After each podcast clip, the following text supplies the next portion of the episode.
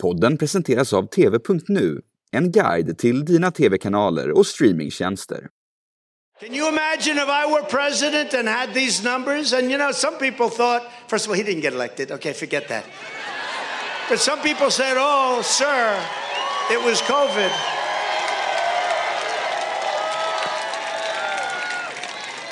Incredible. You know, they're allowed to say that about me. They called it illegitimate. They called it everything in the book. It was fine. When I say it, now here's the difference Hillary conceded.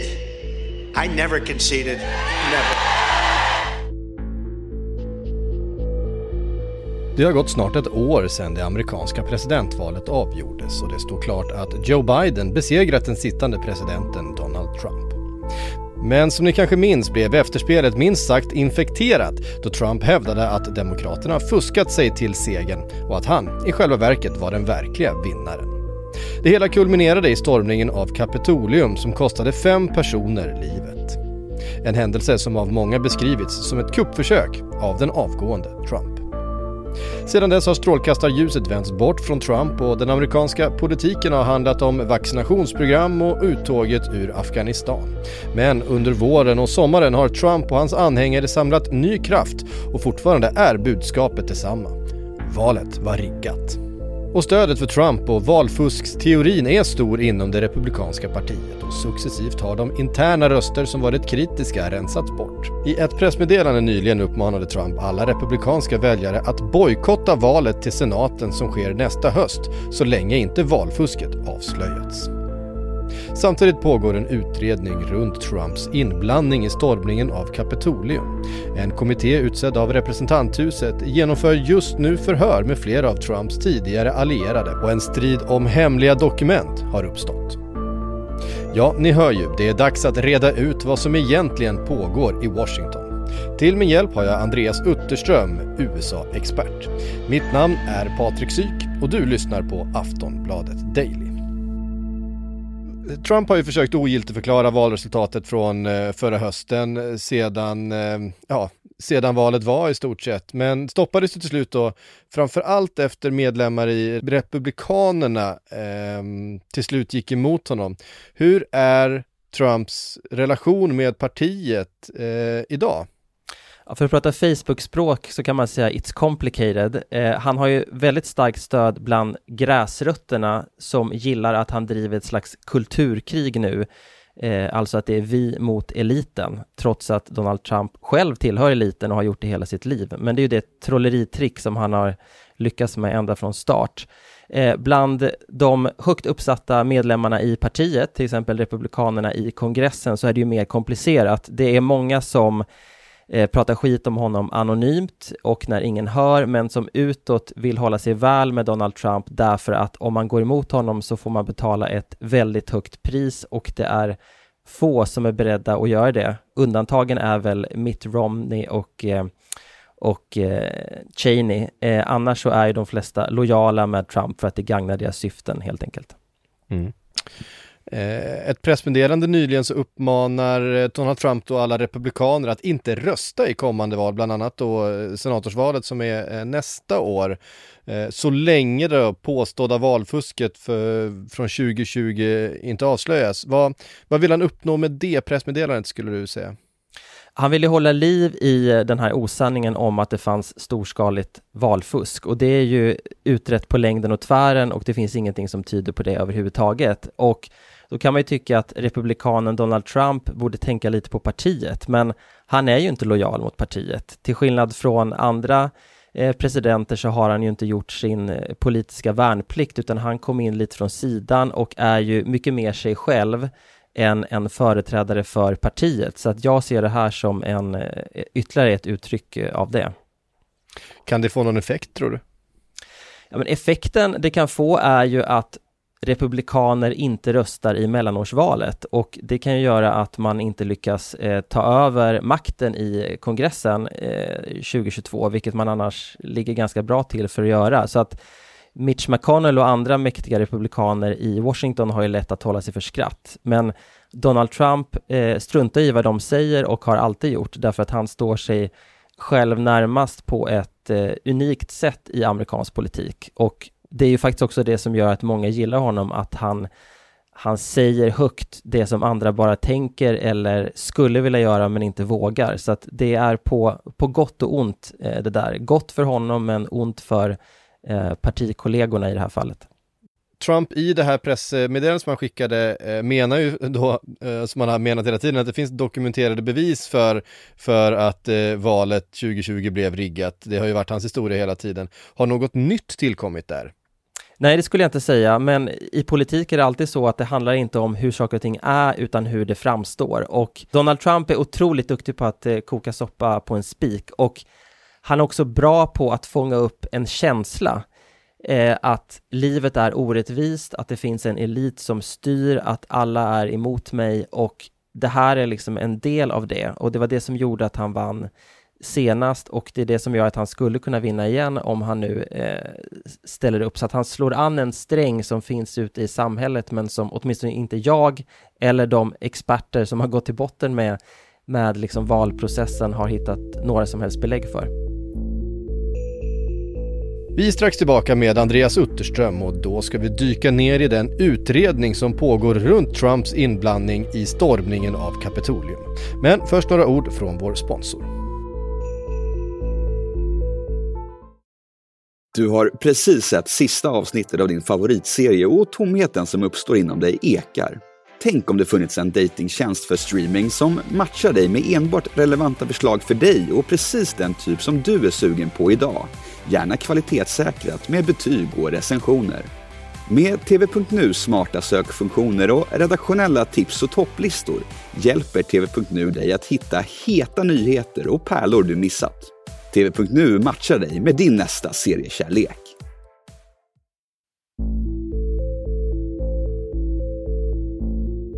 Stormningen av Kapitolium den 6 januari i år skedde i samband med sammanräkningen av de elektorsröster som officiellt skulle utse Joe Biden till vinnare i presidentvalet. Från Vita huset bevittnade Donald Trump den händelse som han nu anklagas för att ha varit med och organisera.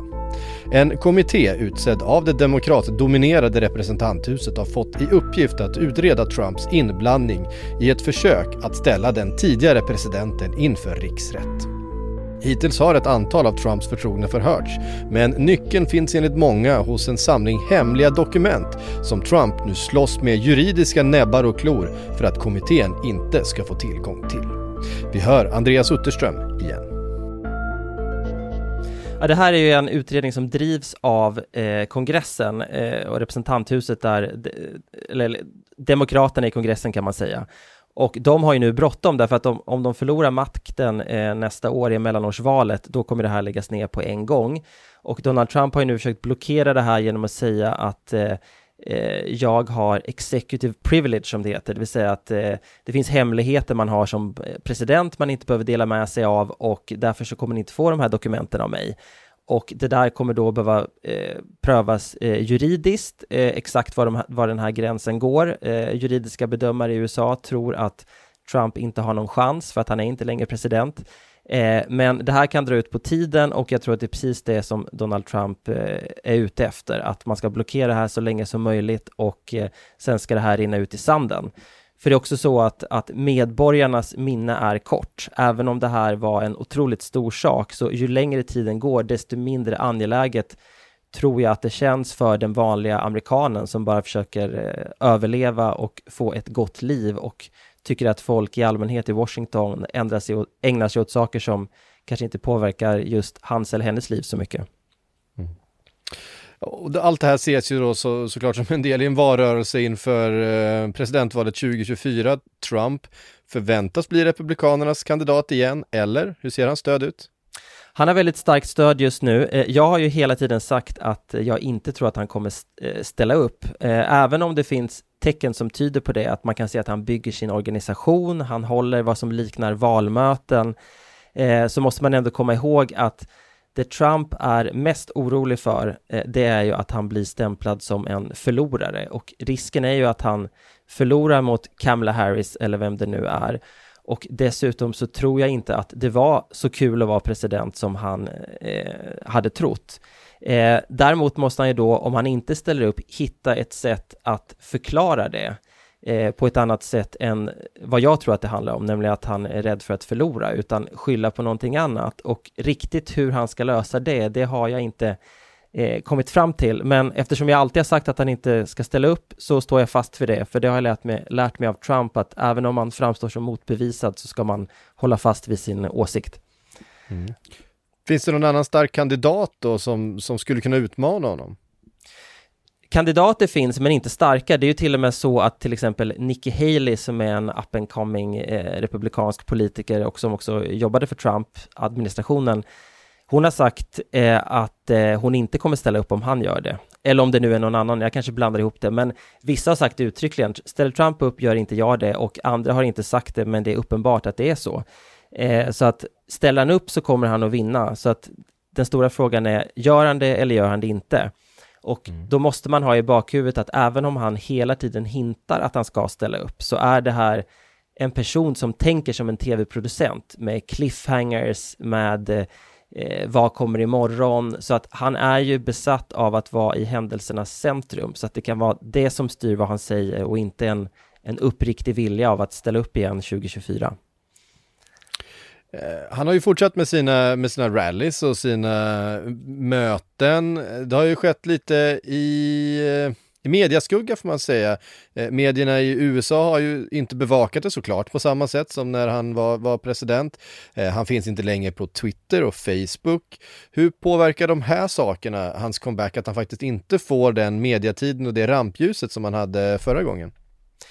Jag tror att det faktiskt är bra för honom därför att det är ändå så att Fox News, Newsmax, Breitbart, andra medier med ett ideologiskt högerperspektiv bevakar det här. Och eh, för Trump är det väldigt gångbart tror jag att säga att eliten, eh, Facebook, Twitter, CNN, eh, tiger ihjäl oss. Det är bara för att vi eh, har, för att de är rädda för oss och de är rädda för det jag säger. Så att som i så många andra fall så tror jag att han kan vända en nackdel till en fördel.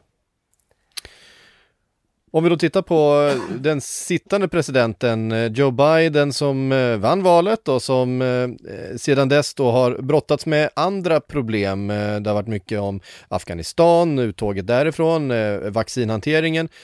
Hur är hans stöd just nu, hans popularitetssiffror och förväntas han, han är ju rätt gammal, eh, ställa upp för omval om, om tre år? Han är 78 år gammal och det är inte unga 78. Jag tror inte att han ställer upp. Jag tror att eh, han är betydligt mer trött och sliten än vad medierna generellt eh, rapporterar som. Han eh, framstår som halvförvirrad ibland och på ett sätt som jag tror hade lyfts upp eh, och blivit mycket större sak om det hade varit Donald Trump som hade gjort samma sak. Eh, men när det gäller hans popularitetssiffror så var de i början av året ungefär 53 procent, nu är de nere vid 44 och dels tror jag att det beror på att det alltid är en smekmånad i början och sen att han nu har hamnat i en väldigt teknisk diskussion om olika former av lagstiftning där han och hans partikamrater pratar för lite om vad de faktiskt vill uppnå. Och det blir alldeles för mycket processsnack som är svårt för och ointressant för sådana som inte är nördar att, att eh, ta till sig. Man har liksom tappat eh, makten om historieskrivningen eh, på något sätt. Så att jag tror det är en orsak till att eh, hans eh, popularitetssiffror har sjunkit. Sen ska man komma ihåg att det där går alltid upp och ner. Eh, sen har han ju dessutom det här uttåget ur Afghanistan som ju inte var någon succé direkt. Det har ju inte heller varit bra för honom, men jag tror att för den genomsnittliga amerikanen så är det hur ser mitt liv ut just nu och vad kan jag hålla Joe Biden eh, skyldig för? Att det är det som påverkar, inte så mycket utrikespolitik.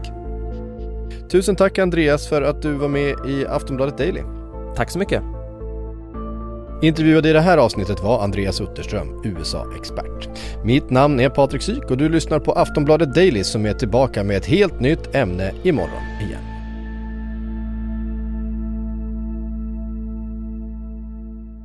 Du har lyssnat på en podcast från Aftonbladet. Ansvarig utgivare är Lena K Samuelsson.